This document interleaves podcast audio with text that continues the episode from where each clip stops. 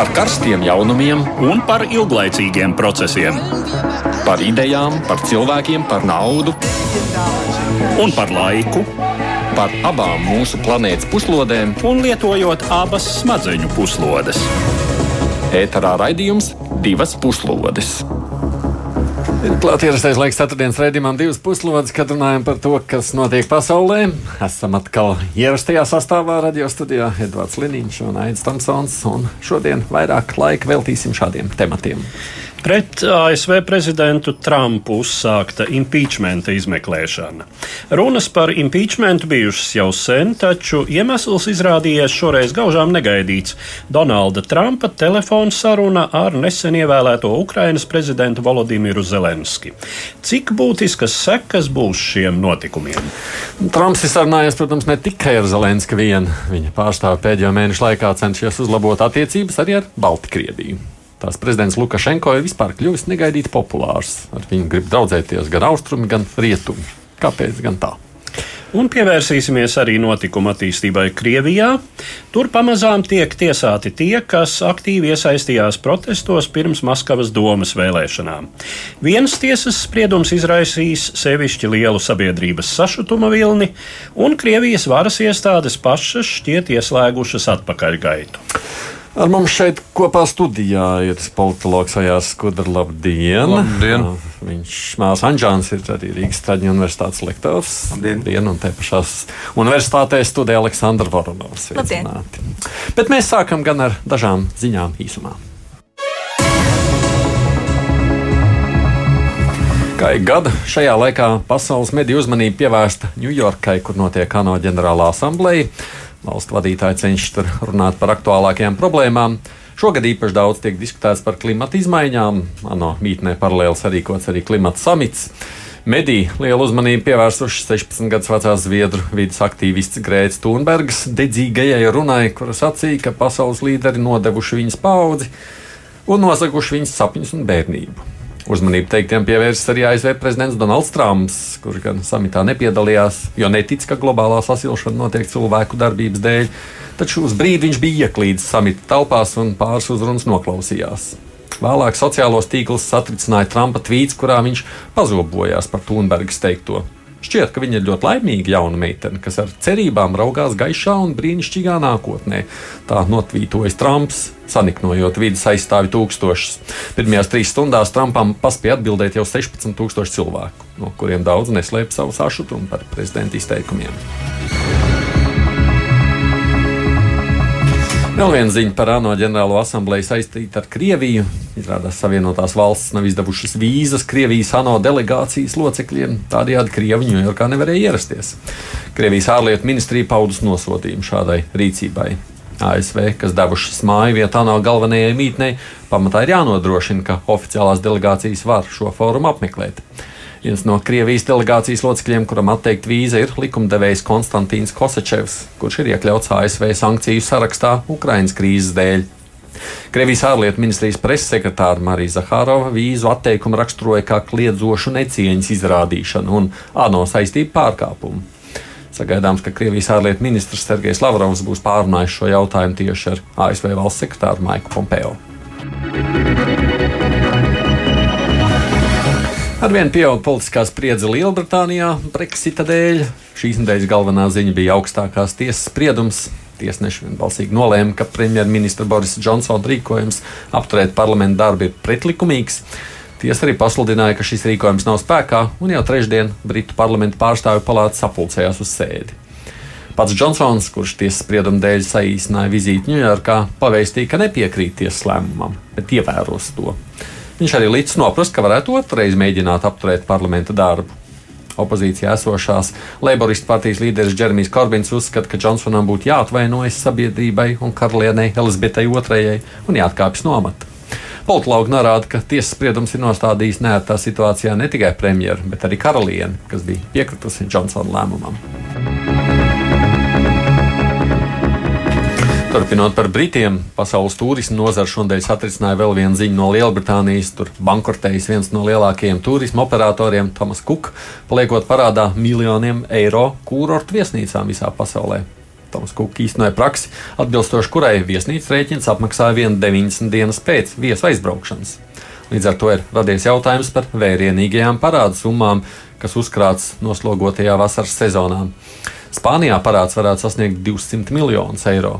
Itālijā savukārt par konkrētām summām nemin, bet atzīst, ka firmas bankrots var radīt ļoti smagu ietekmi uz viesnīcas sektoru. Desmitiem miljonu zaudējumu slēdz Tunisija, Bulgārija, Grieķija. Savukārt Krētā saka, ka bankrotam sekos arī domino efekts uz piegādātājiem, turistu autobusu, automobīļu nomas uzņēmējiem un arī citām kompānijām, kas sniedz pakalpojumus turismu nozarei. Un vēl Tāds interesants skandāls izvērsies mūsu kaimiņu valstī Igaunijā, kur Somijas degvielas kompānija Neste maksājusi lielu algu cilvēkam, kurš jau sešus gadus kompānijā vispār nestrādāja. Runa ir par bijušo Nestes meitas uzņēmuma Neste ēsti vadītāju Indreku Kāju. Viņš jau 2012. gadā pārtrauca darba attiecības ar Nesti, taču algu turpināja saņemt, jo Nestē darbojas automātiskā algu aprēķina sistēma kur izmaksai nav nepieciešams cilvēka apstiprinājums, un kļūdas dēļ viņa vārds no algu sarakstiem nebija izņemts. Un viņš turpināja saņemt lielas naudas summas līdz pat pagājušajam gadam. Tātad sešus gadus pēc darba pamešanas Nestiņam izmaksājis krietni virs pusmiljonu eiro. Kā jau pats par kļūmi neziņoja un saņemto algu pārskaitīja uz Igaunijas banku. Šobrīd uzņēmums cenšas piedzīt naudu no sava bijušā darbinieka, un nu, lieta nonākusi tiesā. Pats Kaju uzskata, ka nav vainīgs un naudu negrib atdot. Bet nu, pievēršamies sākumā minētiem tematiem un vispirms par politiskajām kaislībām Savienotajās valstīs. 24. septembra vakarā Savienoto Valstu kongresa spīkere Nancija Pelosi paziņoja par oficiālu impeachmenta procesa uzsākšanu pret prezidentu Donaldu Trumpu. Iemesls ir 25. jūlija telefona saruna starp Trumpu un nesen ievēlēto Ukrainas prezidentu Volodimiru Zelenski. Sarunas detaļas, kas piesaistījušas amerikāņu spēcdienestu uzmanību un vēlāk kļuvušas zināmas presē, liek domāt par mēģinājumu iesaistīt Ukrainas pusi prezidenta priekšvēlēšanu cīņā. Proti, Trumps vairāk kārt šīs sarunas laikā devis Zelenskim mājienus par nepieciešamību izmeklēt jurista Huntera Baidena darbību Ukrainā. Huntera Baidena tēvs ir Joe Baidens, bijušais Savienoto valstu viceprezidents un ticamākais demokrātu partijas kandidāts nākamajās prezidenta vēlēšanās, respektīvi Trumpa bīstamākais konkurents. Hunters Baidens savulaik ieņēma amatu Ukrainas lielākajā privātajā dabasgāzes ieguves kompānijā Burisma, kuras darbības tiesības tikušas izmeklētas, tiesa neatklājot nekādus likuma pārkāpumus. Telefons sarunā, kuras aptuvenu stenogrammu vakar publiskoja Baltānama mājaslapa, prezidents Trumps norāda, ka viņa prāt būtu vēlams atgriezties pie Baidenu darbības izmeklēšanas Ukrainā. Stenogramma neapstiprina aizdomas par tiešiem draudiem pretējā gadījumā apturēt amerikāņu palīdzību Ukrainai, taču visai divdomīgi šai kontekstā izskatās šīs palīdzības iesaldēšana neilgi pirms minētās telefona sarunas. Palīdzības piešķīrumi tika atsākti 11. septembrī, un prezidents Trumps iesaldēšanu skaidrojas ar vēlmi pamudināt citas valstis aktīvāk palīdzēt Ukrainai. Savienoto valstu prezidenta impeachmenta procedūras iemesls var būt nevien tieši likuma pārkāpumi, bet arī neētiska rīcība vai sava stāvokļa izmantošana personiskās interesēs.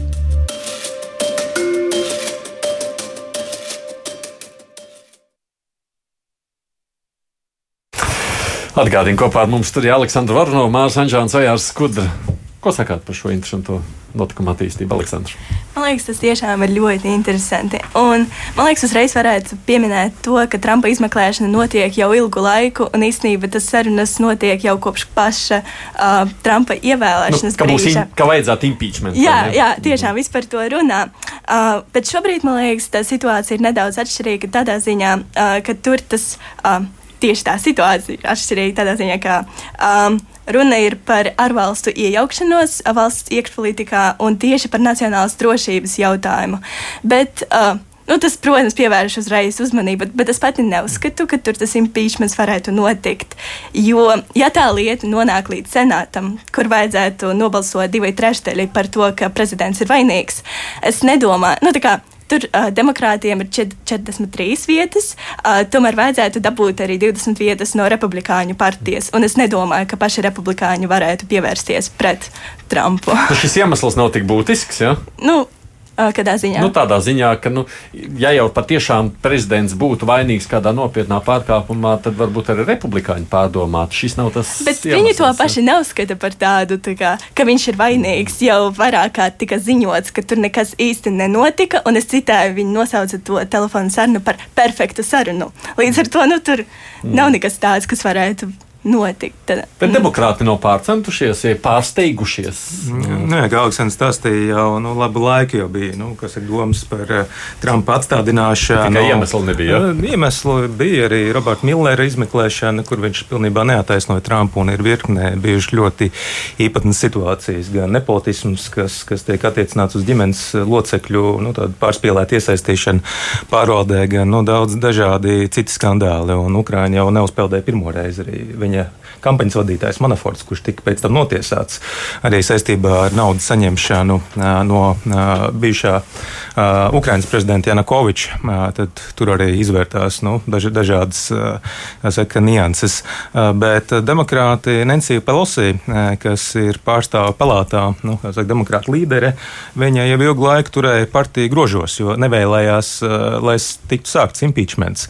Jo tas risks ir kāds, ka tas nostiprinās paši Trumpa pozīcijas. Jo šobrīd Trumps jau, nu, viņš iespējams to vien gaidīja, ka nu, tikai sāksies, uh, viņš atkal ir ziņās, uh, republikāņi, uh, kas ir diez, diezgan republikāņu rindās, Trumps ir populārs, un nu, viņi to uzlūkos, ka tā vienkārši demokrāta vēršanās, ka tiešām nekā tur nebija, un ir skaidrs, ka priekšvēlēšana cīņa ir vaļā, un aizvien vairāk tiks runāts, cik slikts galdā Baidena nu, šī situācija, kur arī varbūt nav tā pilnīgi, pilnīgi melns un balts, ka iespējams arī Baidens savā laikā ir izmantojis savu pozīciju lai lūgtu uh, Ukraiņas prokurora aiziešanu, nu, lai it kā neizmeklētu uh, viņa dēlu. Uh, līdz ar to nu, izskatās, ka priekšvēlēšana cīņa pilnā sparā ir vaļā un var paredzēt, kāda būs tā cīņa. Skaidrs, ka viņa būs netīra, un, uh, nu, acīm redzot, arī Trumps meklēs tādas vieglas uh, saka, uzbrukuma epizodes, līdzīgi kā pret Hillary Clintoni par e-pastiem, kas tika glabātas privātā serverā un, un līdzīgas tādas it kā nelielas lietas, no kā beigās zilonis tiek uzpūsts. Mm. Nav tā, ka demokrāti pārcenšies Skudraškungs šajā reizē, un viņi neko nebūs ieguvuši no šāda. Nu, nu, grūti man pateikt. Tā tad es piekrītu visam iepriekš teiktajam. No otras puses, tas rezultāts, par kuru publiski, protams, neviens nerunā, varētu būt arī tāds, ka Baidens nekļūst par demokrātu kandidātu. Nu, šobrīd tās pēdējās, es jau pirms raidījuma sacīju, pēdējās ziņas rāda, ka viņš jau arī zaudējis šobrīd demokrātu aprindās uh, savu atbalstītāju loku. Vai varētu būt iemesls, ka nu, šis skandāls tikai pašam Baidenam par sliktu nāk? Nu, tā, tā lieta, man liekas, ir uh, mazliet kompleksāka. Es, es vienkārši pāris faktus uh, piesaukšu, neiedziļinoties nekādā analīzē. Uh, Baidena dēls pelnīja mēnesī privātajā gāzes firmā 50 tūkstoši dolārus vairākus gadus. Uh, nu, nav zināms. Un, un visi, kas komentē, saka, viņš nepārstāv enerģētikas sektoru, viņam nav nekādas kvalifikācijas šajos jautājumos. Tā tad uh, tas no vienas puses. No otras puses, šīs firmas īpašnieks, jeb veidotājs Mikola Sloščevskijs Mm, tā tad savulaik divus gadus bijis vidas aizsardzības ministrs Janako, prezidenta Janukoviča prezidentūras laikā. Mm, līdz ar to var sekot, un, un dzīvojis emigrācijā, viņa mm, konti ir bijuši iesaldēti Britu bankās un tā tālāk. Tur ir ko rakt. Mm. Jā, man droši vien ir jāpiekrīt, ka tur ir ko rakt, un varētu piebilst, ka nu, Ukraina, lai cik lielas simpātijas mums nebūtu pret šo valsti, uh, bet uh, nu, tā ir tāda biznesa un arī valsts pārvaldes vide uh, un šo valsts un privāto interešu saaugšana ir tāda, par kādu mēs, par laimi, šeit Latvijā esam jau pagūši aizmirst. Un tur gandrīz vienmēr ir ko rakt. Nu, teiksim, uzmanīgi cilvēki eh, ar eh, mazām finanšu ambīcijām, es domāju, Ukrainas biznesā eh, iesaistās tikpat negribīgi kā vai, vai nu, gandrīz tikpat negribīgi kā, kā Krievijā vai teiksim, kaut kur Vidusāzijā. Tā ir riskanta vide. Un, jā, nu, jāpiekrīt, ka Hunters Baidens nav enerģētikas speciālists, toties tiek minēts kā profesionāls lobbyists. Um, nu, šis faktu salikums arī liek, uh, liek aizdomāties. Un, uh, tas fakts, ka pats prezidents Trumps ar lielu gatavību ir uh, šo uh, stenogrammu, sarakstas stenogrammu izlicis apskatēji Baltānām mājaslapā, kas viņam nebūtu obligāti nebija jādara un uz ko viņu būtu visai grūti piespiest. Bet viņš to ir darījis. Nu, tas nozīmē, ka šajā gadījumā viņš jūtas gana stiprs, lai spēlētu šo pasjānu vai kā nu vēl mēs varētu raksturot šo, šo, kāršu, eh, šo, šo spēlīt kāršu terminoloģijā. Eh, jā, nu un eh, var tikai prie, piekrist, ir sākusies priekšvēlēšanu cīņa, kas būs nežēlīga. Un droši vien arī visai neētiska. Pirmsvēlēšana cīņā vienmēr ir svarīgi, kā izskatās Nu, politikā vispār Jā. par uh, 85% Jā. viss ir tā, kā izskatās. Nu, tad kā jums izskatās, kā šķiet, kā sabiedrībai izskatīsies tas? Jo sabiedrībai šobrīd ir jāno. Jāizšķiras, nu, kā pusē simpātijas ir vairāk. Tas, ka tur izdarījis ir prezidents spiedienu uz Ukrainas prezidentu, nu, tad pārkāpj nu, jā, var, var, um, vesels impeachments, kas ir, nu, jā, tomēr. Var. Uh, pirmkārt, var teikt, ka, nu, ko vispār vidusmēra amerikānis, vēl jau vairāk Trumpa vēlētājs domā par Ukrainu. Es domāju, ka viņš par Ukrainu domā visai maz. Uh, un tas, ka Trumps, piemēram, ir aizturējis uh, Ukrainai paredzēto militāro palīdzību, Eh, vairāku simtu miljonu dolāru apjomā. Nu, aizturējis uz pāris mēnešiem iespējams tehniskas problēmas. Nu, tagad viņš saka, ka viņš šādi mēģinājis pamudināt teiksim, Merkeli, dot vairāk tai pašai Ukrainai un tā tālāk. Vidusmēra Trumpa vēlētājiem viss šis argumentācijas un faktu komplekts var drīzāk patikt nekā nu, nepatikt. Jo nu, mūsu amerikāņu nodokļu maksātāju nauda atkal kaut kādai Ukrainai, kas, kas jātur karo ar Krieviju, tā emocionālā piesaiste un attieksme ir es domāju, diezgan viegli aprēķinām, un Trumpam par sliktu nenāk. Nu, kas nozīmē, ka šajā cīņā, kā es teicu, varētu būt, ka Trumps ir uzvarētājs. Nu, jā, nu, tā arī var um, piekrist tajā ziņā, ko Edvards saka, ka diez vai tas nāks par sliktu Trumpam šis skandāls, jo vienlaikus, kad ja tiks runāts par viņu, tiks runāts arī par Baidenu, par demokrātu partiju kopumā. Un tas šajā gadījumā nav tikai par Baidenu, jo, nu, kā arī minēts, ir aptaujas, kas uzrāda, ka Elzbieta Vorena uh, iet pa priekšu Baidenam aptaujās, bet nu, tur citi iemesli uh, gan ar ar neveikliem izteikumiem Baidena, gan nu, diskusija par viņa vecumu. Viņš būtu uh, vecākais ASV prezidents vēsturē, stātos amatā, un, un ne jau vecums ir jautājums, bet tas jautājums, kas tiek diskutēts par, par ietekmi uz nu, viņa veselības ietekmi uz pildīšanas pienākumiem potenciāliem. Bet skaidrs, ka ASV sabiedrība ir polarizēta, un daļai sabiedrības ir vienalga, ko saka CNN vai citi mēdī, kas tiek vairāk uzskatīti par demokrātiem simpatizējošākiem. Līdz ar to nu, tas daudz ko nemainīs. Viņi drīzāk uztvers tiešām, ka tās ir raganu medības, uzsāktas pret Trumpu un, un, un turpinās runāt. Un, un nevelti bieži vien teikt, teica, ka nav svarīgi, ko runā, galvenais, ka runā politikā. Nu, bieži vien atceramies, ir, mm -hmm. ir mhm. sejas, cilvēki uzstājās, izteikumi, emocionāli, mazāk emocionāli, ko teica. Nu, tas nevienmēr tam iet līdzi. Mm -hmm. Un skaidrs, ka sabiedrības viedoklī nu, jāraugās arī plašākā kontekstā. Atcerēsimies, ka Hillary Clintone 16. gadā savāca vairāk balsu nekā Trumps. Trumps uzvarēja pateicoties elektoru principam.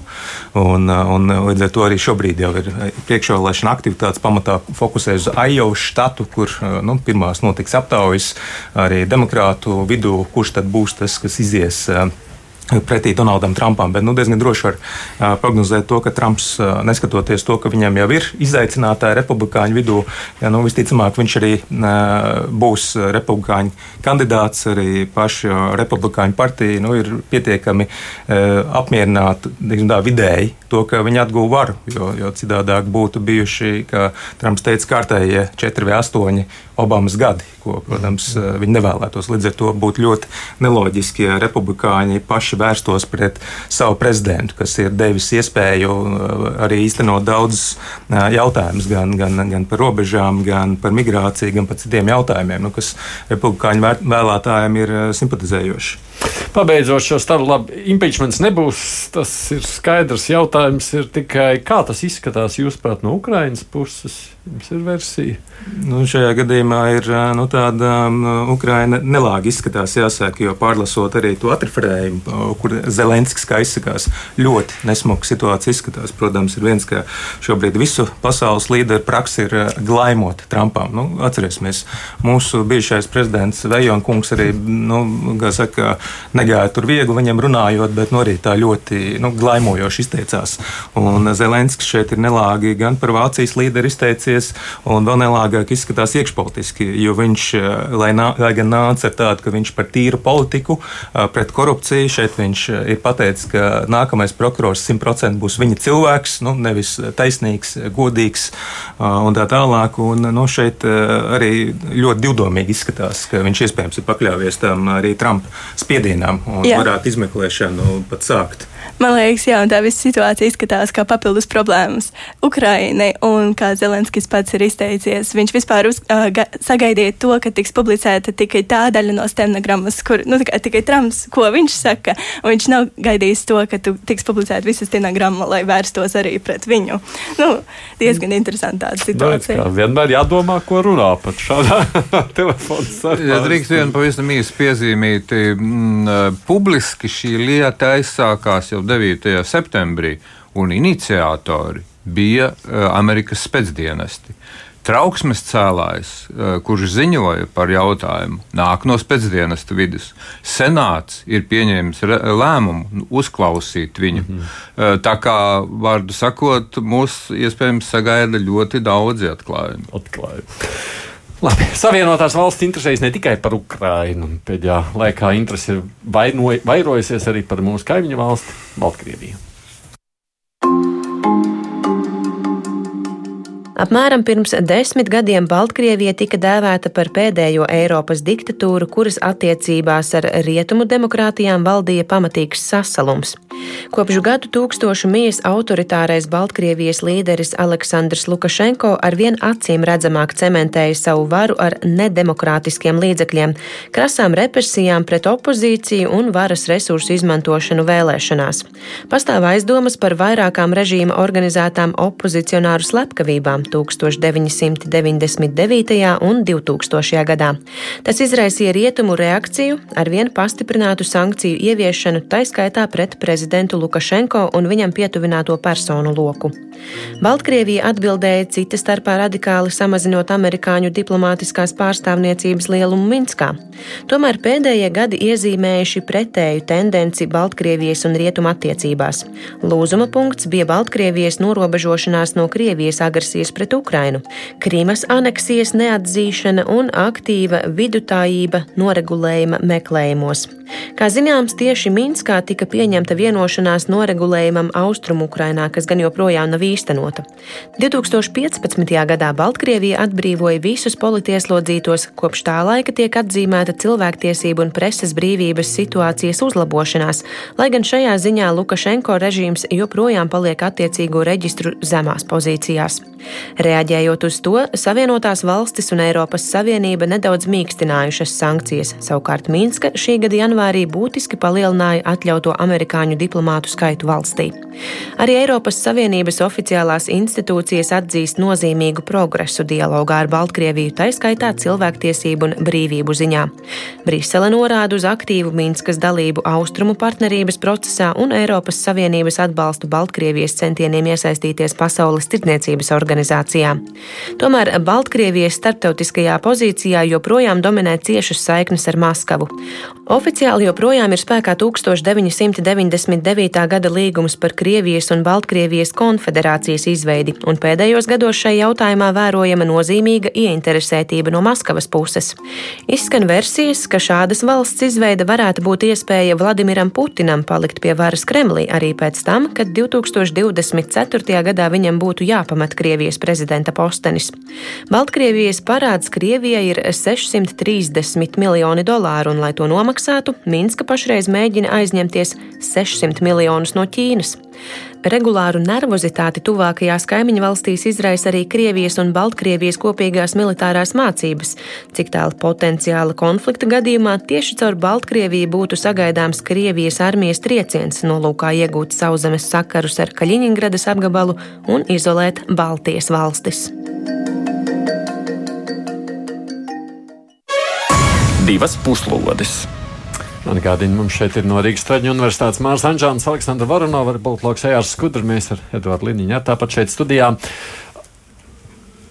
Arī tas līgums ciešāks, kurš paredzēts tādu noslēgt starp Krieviju un Baltkrieviju, man liekas, oktobra sākumā laikam ieradīsies. Jā, Medveģevs, lai tālāk to līgumu noslēgtu. Tad sajūta, ka tas radīs nervozitāti Baltkrievijā un ne tikai Venes Kudras kungs runājot par šo te Krievijas. Uh.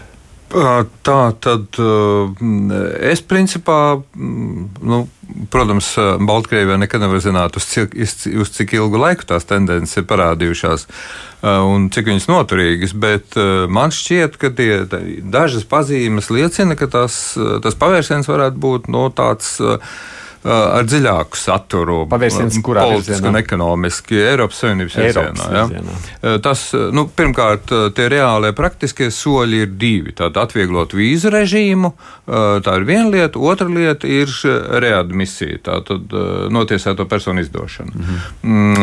Tā tad, kas, nu, protams, būtu liels solis uz priekšu, neko citu pagaidām, nu, ja runājam par Baltkrievijas vairāk vai mazāk neitrāliem ekspertiem, neko vairāk viņi negaida un nes nesola. Uh, visi ir viensprātis, ka tur uh, nekāda konfederācija ar Krieviju netiks veidota. Bet man uzmanību piesaistīja viens cits fakts. Uh, izrādās, ka Baltkrievijas naftas kompānija Um, tā tad ir um, noslēgusi vienošanos ar lob, lob, lobēšanas firmu Amerikas Savienotās valstīs, lai panāktu to, ka ASV piegādā Baltkrievijai naftu. Nu, kā es saprotu, visi cilvēki Vanspīlī ir stipri sausījušies un ļoti cer, ka viņi varētu būt ieguvējuši šajā lietā. Protams, Latvija arī uz, par ko liecina arī nu, pirmkārt mūsu ārlietu ministra vizīte Minskā. Tikko tagad apvienotās nācijās ārlietu ministrs atkal tikās ar Baltkrievijas ārlietu ministru. Jā, un aicina apsvērt šo koridoru. Jā, jā, tā kā lietas jā. iet uz priekšu pilnā sparā visādā ziņā diplomātiskajā līmenī. Uh, un, un, un kas attiecas savukārt uz Baltkrieviju un Krieviju tad nu, ievērības cienīgs ir fakts par to, ka izrādās 19. septembrī Putina kungs ir vairākiem dučiem, kā ziņo aģentūras Eiropas valstu vadītāji, izsūtījis vēstuli par, memorā, par moratoriju noteikšanu vide, vid, mazās un vidējās distances raķešu, ieskaitot kodolraķetes jautājumā sakarā ar to, ka līgums vairs nav spēkā, amerikāņi ir izstājušies un, un Krievija arī pārtraukusi. Tātad piedāvājums par moratoriju. Uh, nu, kādas tās atbildes reakcijas pagaidām nav zināmas, bet šī vēstule ir uh, nonākusi arī Eiropas uh, komisijā un nonākusi arī pie Stoltenberga, NATO ģenerālsekretāra. Mm, nu, protams, ka Baltkrievija visnotaļ to visu atbalsta, un, un gan diplomātiski, gan politiski. Tā kā nu, tā teikt, kaut kādas pozitīvas iezīmes iespējams ir vērojamas, ja runājam par starpvalstu attiecībām. Mm -hmm. Labi, jūs komentāri katram. Aleksandra. Uh, jā, es domāju, es varētu sākt. Uh, man uzmanību piesaistīja tas, uh, un es domāju, ka tieši Baltkrievijas pavērsienu uz tādiem rietumiem pamatā varētu būt tas fakts, ka šogad uh, Krievija paziņoja par to, ka tiks paaugstināta cena uh, naftas un dabasgāzes piegādei, kas, uh, protams, ir neizdevīgi Krievijai, jo uh, Baltkrievijas atvainojas, jo Baltkrievija ir atkarīga no Krievijas enerģētikas jomā, un, protams, viņam ir nepieciešams meklēt to enerģētiskā avotu diversifikāciju, lai panāktu nu, labumus savai ekonomikai. Man liekas, tas ir tāds ievērojamais fakts runājot. Poļi un lietuvieši sacījuši, ka viņi labprāt nāktu palīgā Baltkrieviem šajā jomā, meklējot šo diversifikāciju. Kas Nē, arī tāds ir, ir arī bez, bez enerģētikas jautājuma, arī citi jautājumi. Jo viens uh, fakts, kas nu, kopējā bildē jāņem vērā, ir, ka nu, Baltkrievija uh, nu, nav obligāti bijusi uzskatām vienmēr par prokrievisku, bet drīzāk eh, meklējusi izdevīgāko risinājumu, lai īstenot savu politiku. Ja 2000. gados ir virkne gadījumi bijuši eh, strīdi ar Krieviju, gan par dabasgāzi, gan par elektroenerģiju, tad eh, parādi, atlaišana vai nomaksa, cenas celšana un līdzīgi. Un, un, un viens tāds nu, liels notikums bija, protams, Krima. 2014. gads, un pēc tam atcerēsimies, ka Minskā notika arī saruna raundi, Minskas vienošanās, kas tā arī nav, tiks, nav tikusi izpildīta par um, situācijas noregulējumu Austrum Ukrainā, uh, bet uh, Krima bija tā situācija, kas lika arī Lukašenko aizdomāties, ka kādā brīdī tas var atkārtoties arī Baltkrievijā. Pēc tam arī sekoja aizliegums uh, publiskās uh, pasākumos uh, Georgi Lentīts nesāt, kur nu, Baltkrievijas karodziņš tika sprausts Georgi Lentīts Intītas eh, vietā. Un citi pasākumi arī Lukašenko paziņoja, nu, ka tik vienkārši kā Ukrainā tas Baltkrievijai nebūs. Un kopš 15. gada, nu, tad jau vairāk gadi ir vērojams tāds pakāpenisks atpūsnis, jo 15. gadā Lukašenko atbrīvoja arī virkni paleti ieslodzīto, kā rietumos tiek uzskatīts, kas viņi bija. Un arī tad sākās jau tāda pakāpeniska attiecību uzlabojuma. Un Baltkrievija sāka savu ārpolitiku dažādību izkot. Tātad neiet runa tikai par Eiropas Savienību, bet arī par Ķīnu. Arī, nu, daudz dzirdēts ir, ka Ķīna arī saistībā ar Ķīnu. Netālu no Minskas tiek būvēts lielais akmens industriālais parks, vilcieni, par kuriem šeit pie mums ir cerības iet caur Ķīnu uz Rietumu Eiropu. Arī, nu, cik, cik, cik runā arī daļa no tiem konteineriem atnāk arī līdz mums. Tad, un arī pat Baltkrievija paziņoja, ka vēlas savu ekonomiku diversificēt. Trešdaļa ar Krieviju, trešdaļa ar Eiropas Savienību un trešdaļa citām valstīm. Mhm. Pašlaik nu, tik ļoti labi nevedās, jo puse ir Krievija, puse no tirdzniecības, kas nav maz, un tikai ceturtā daļa ir Eiropas Savienība.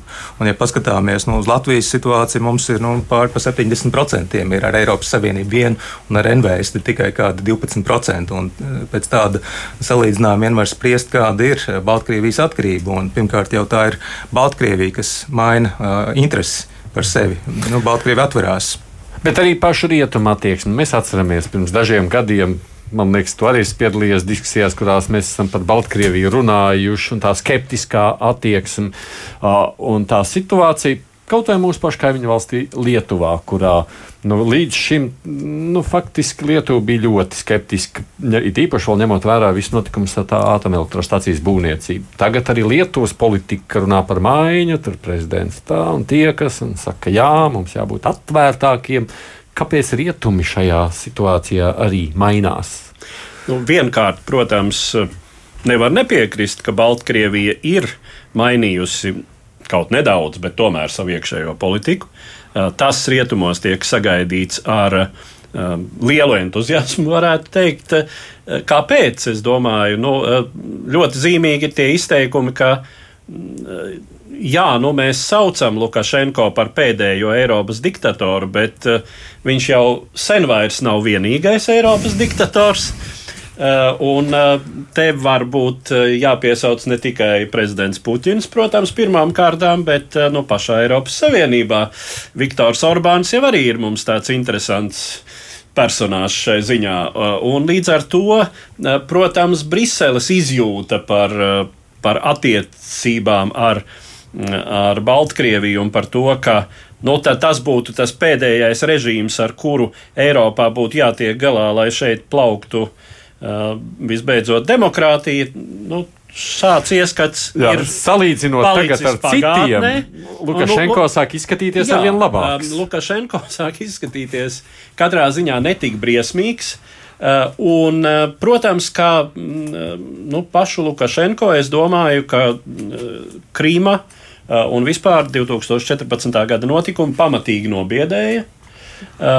Jo Nu, ar Ukrainu jau Janukoviča laikā Krievijai arī bija jaukas attiecības, atvērtas robežas. Un tas viss mainījās dažu nedēļu laikā.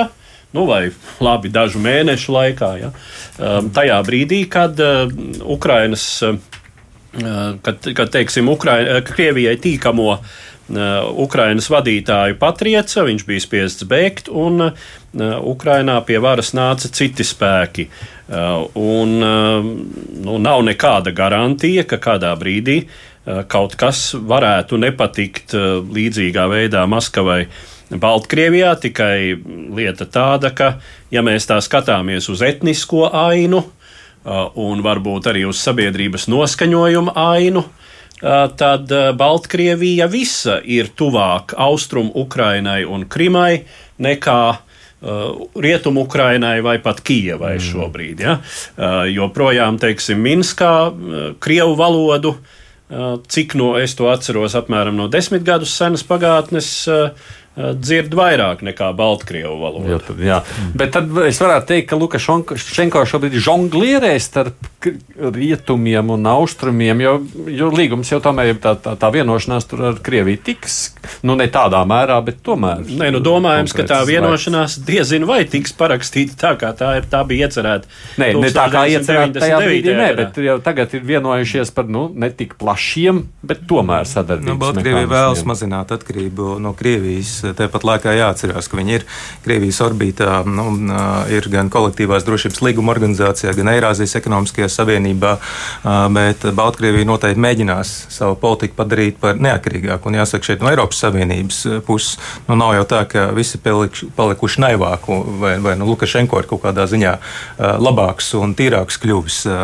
Bet Eiropas Savienībai arī Baltkrievija ir austrumu partnerības valsts, viena no sešām, kur Baltkrievija bijusi pati pasīva efektīvākā no visām sešām valstīm. Un Eiropas Savienībai interesē stabilitāte pie savām robežām, un īpaši arī mums par to būtu jādomā. Un skaidrs, ka arī Eiropas Savienība redzēja, ka sankciju politika nelīdz galam darbojās. Baltkrievijai bija nu, cita puse, kur pagriezties. Krievija, kur tā ir visu laiku arī strādājusi, arī tāpat Ķīna. Nu, šobrīd ir, ir mēģinājums pamēģināt nedaudz citādāk. Nu, nevis ar pātagu, bet zināmā mērā ar burkānu.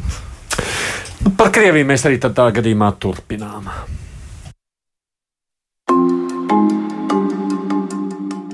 3. augustā notika krasts pavērsiens maskavieša 23 gadus jaunā aktiera Pāvela Uzķīnova liktenī. Kā apgalvo pats Uzķīnovs, sagadīšanās dēļ viņš todien atradies Tveres bulvārī, kur notikusi nesankcionēta protesta akcija. Klātesošo žurnālistu uzņemtajos kadros redzams, ka jaunais cilvēks stāv un raugās mobilā telefona ekrānā, kad pie viņa metas četri pilnībā ekipēti Krievijas Nacionālās gvardes kareivji un mēģina viņu sagrābt un notriekt gar zemi. Tas izdodas ne uzreiz. Pāvils vispirms izraujas, atlec malā un šķiet mēģina bēgt, taču ceļu viņam aizšķērso vēl vairāki policisti un gvardi, aktieri sagrābj, nogāž zemē, iekaust ar stekiem un aiztur. Notikušā rezultātā Pāvels Uzķīnovs tika apsūdzēts mērķiecīgā kaitējumā gvardam Aleksandram Ļaginam, kuram viņš aizturēšanas brīdī it kā izmežģījis plecu.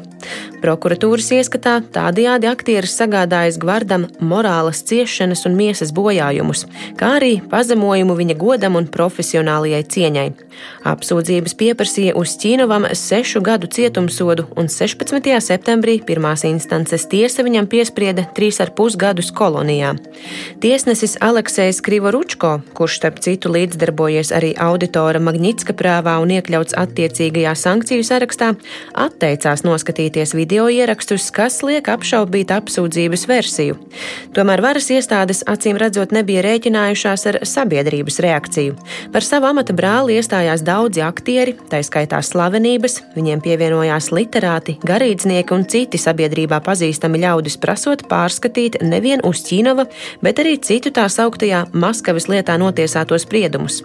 Visbeidzot reaģēja arī oficiozā Krievija. Par Uzķīnovas sprieduma netaisnīgumu un pārlieko bardzību izteicās starp citiem varas partijas vienotā Krievija ģenerāla padomes sekretārs Turčaks un Nacionālās gvardes komandieris Zolotovs. Galu galā arī Krievijas ģenerāla prokuratūra 19. septembrī iesniedza oficiālu lūgumu noteikt Pāvēlam Uzķīnovam ar brīvības atņemšanu nesaistītu sodu, un 20. septembrī viņš tika atbrīvots no pirmstiesas apcietinājuma. Lietas atkārtotas izskatīšana paredzēta šodien un var cerēt, ka uz Ķīnova gadījumā tiks pieņemts attaisnojošs spriedums. Vai līdzīga attīstība varētu notikt arī citu Maskavas lietā apsūdzēto un jau notiesāto gadījumā, tas ir jautājums, kuru šobrīd uzdod daudzi pasaules mēdīji.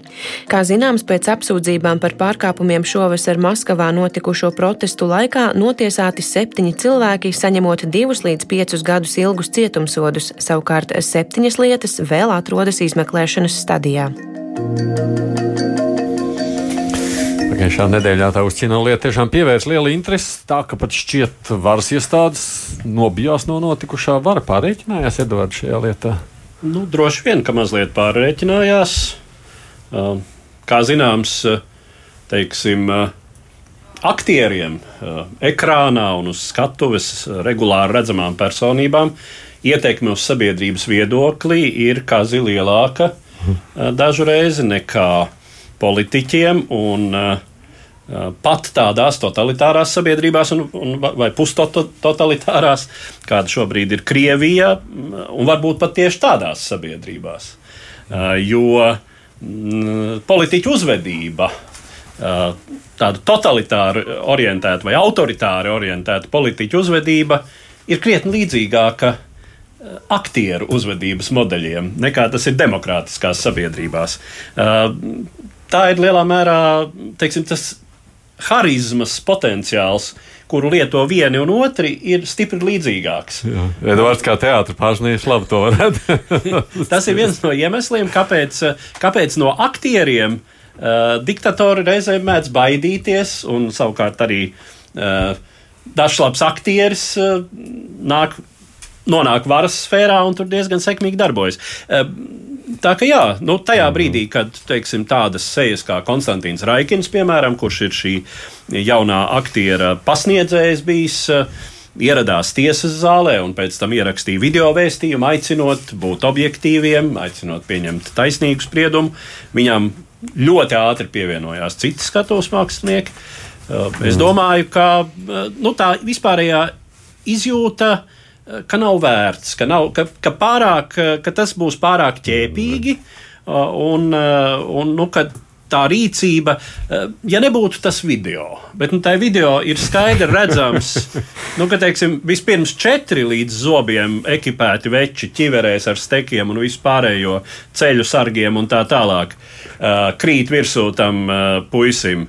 Tad piesteidzas vēl četri policisti, kas nosedz no visām pusēm to laukumu, Sit, lai kāds nepielien par tuvu.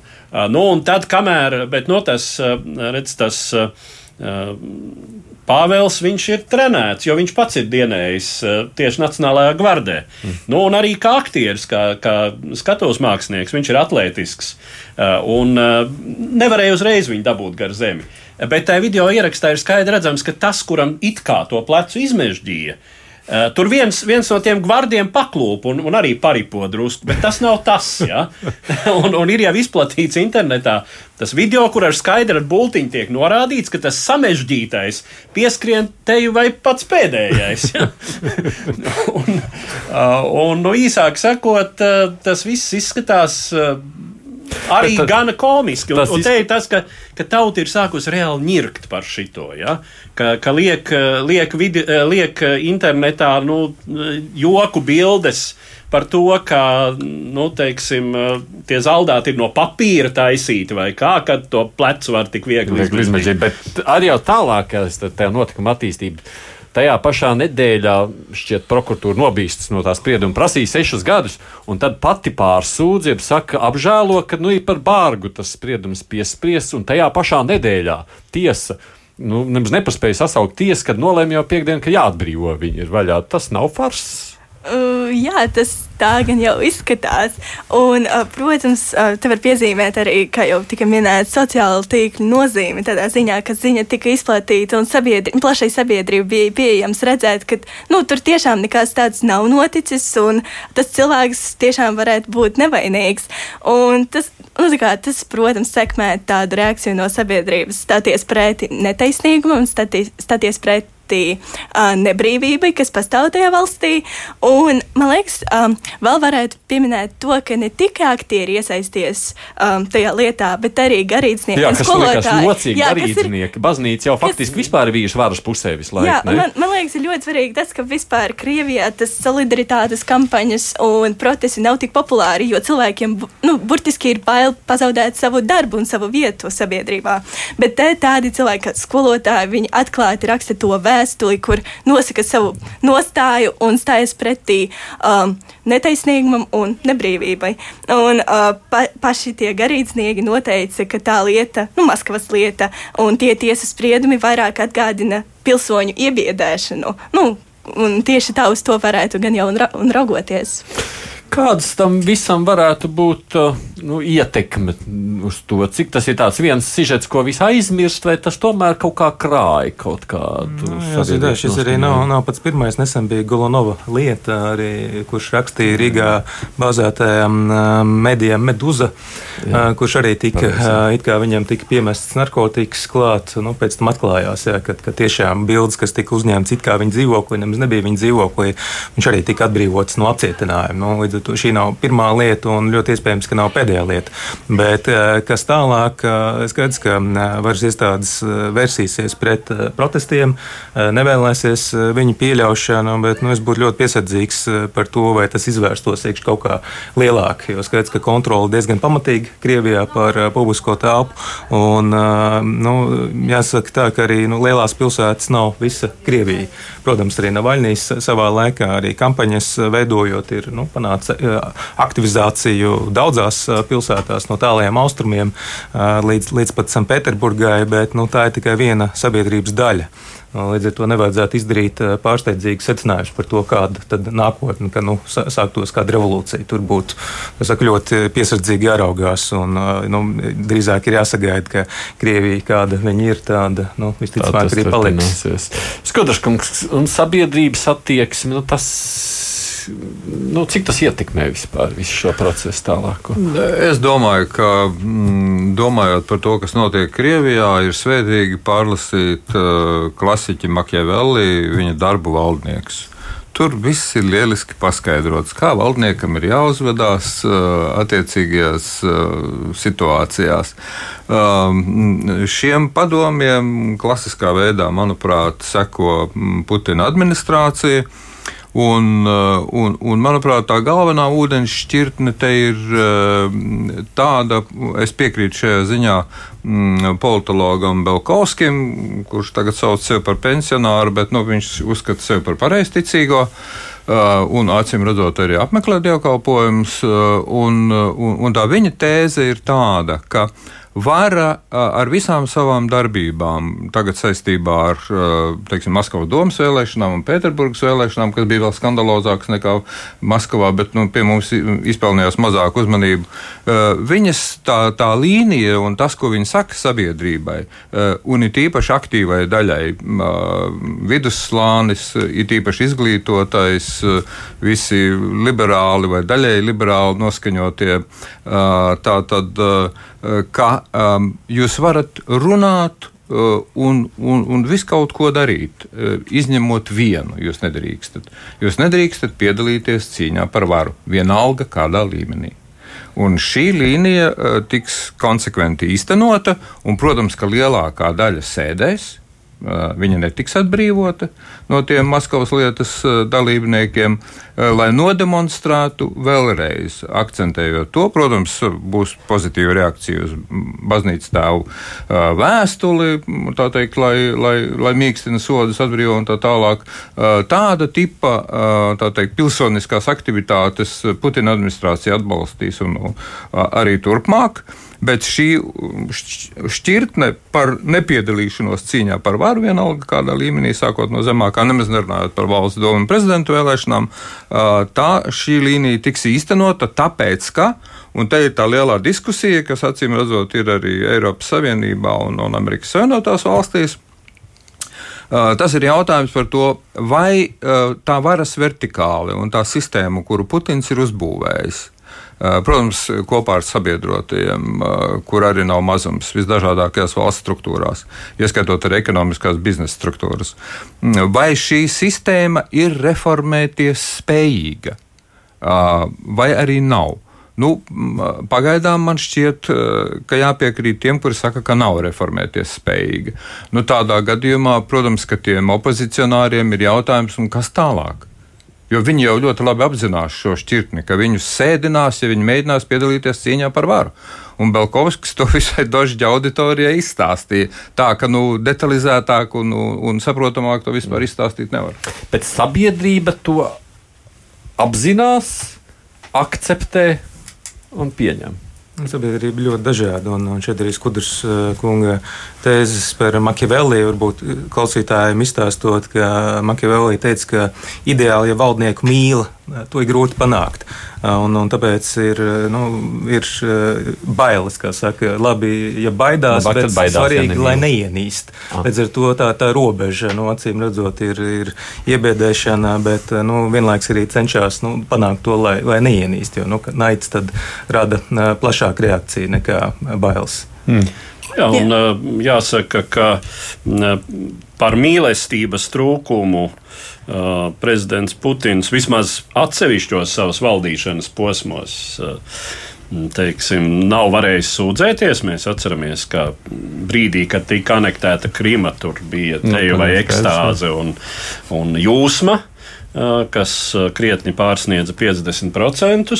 Bet tautas gudrība ir starp mīlestību un naidu tikai viens solis. Tāpēc ir ļoti bīstams. Aleksandra, kaut ko gribēja teikt? Jā, es gribēju tikai piebilst par to, sabiedrības reakciju nosaka tieši tas, cik daudz sabiedrība par to visu zina. Jo mēs varētu pievērst uzmanību tam, ka, piemēram, Krievijas valsts kanāla vispār ne, nu, īsti mm. neaplūkoja to, kas notika Maskavas lietas ietveros. Un uh, par to iestājas tieši tie cilvēki, kuriem ir pieeja gan sociālajiem tīkliem, nu, kā, kā Facebook, Instagram, Telegramā arī Krievijā. Un, uh, Uh, viņi redzēja, ka tur tika izplatīti tie materiāli, un līdz ar to viņ, nu, tas izraisīja viņu reakciju. Bet mēs nevaram runāt par tādu plašāku sabiedrību, jo nav nu zināms. Nu, jā, ja mēs runājam par eliti, tad elitē Krievijā pastāv joprojām šis ventils, kas nepastāvēja Padomju Savienībā, proti, iespēja emigrēt, un ļoti daudz to izmanto. izmanto. Nu, sociālie tīkli, protams, internets Krievijas varē var apzinās, ka tas kļūst par viens svarīgāks jautājums. Es saku jums paldies, ka atnācāt. Aleksandra Varanova no Stadiņu universitātes studenta, arī lektors Mārcis Sančāns, politologs Ajārs Skudra, protams, arī Edvards Liniņš, es Aidis Tomsons. Paldies jums, ka bijāt. Mūsu producenti ir Ieva Zeiza, bet, nu, vēlam viņai veseļošanos šobrīd. Mēs tiksimies atkal pēc nedēļas šajā laikā lūkosim, kas jauns notiek pasaules politikā. Divas puslodes!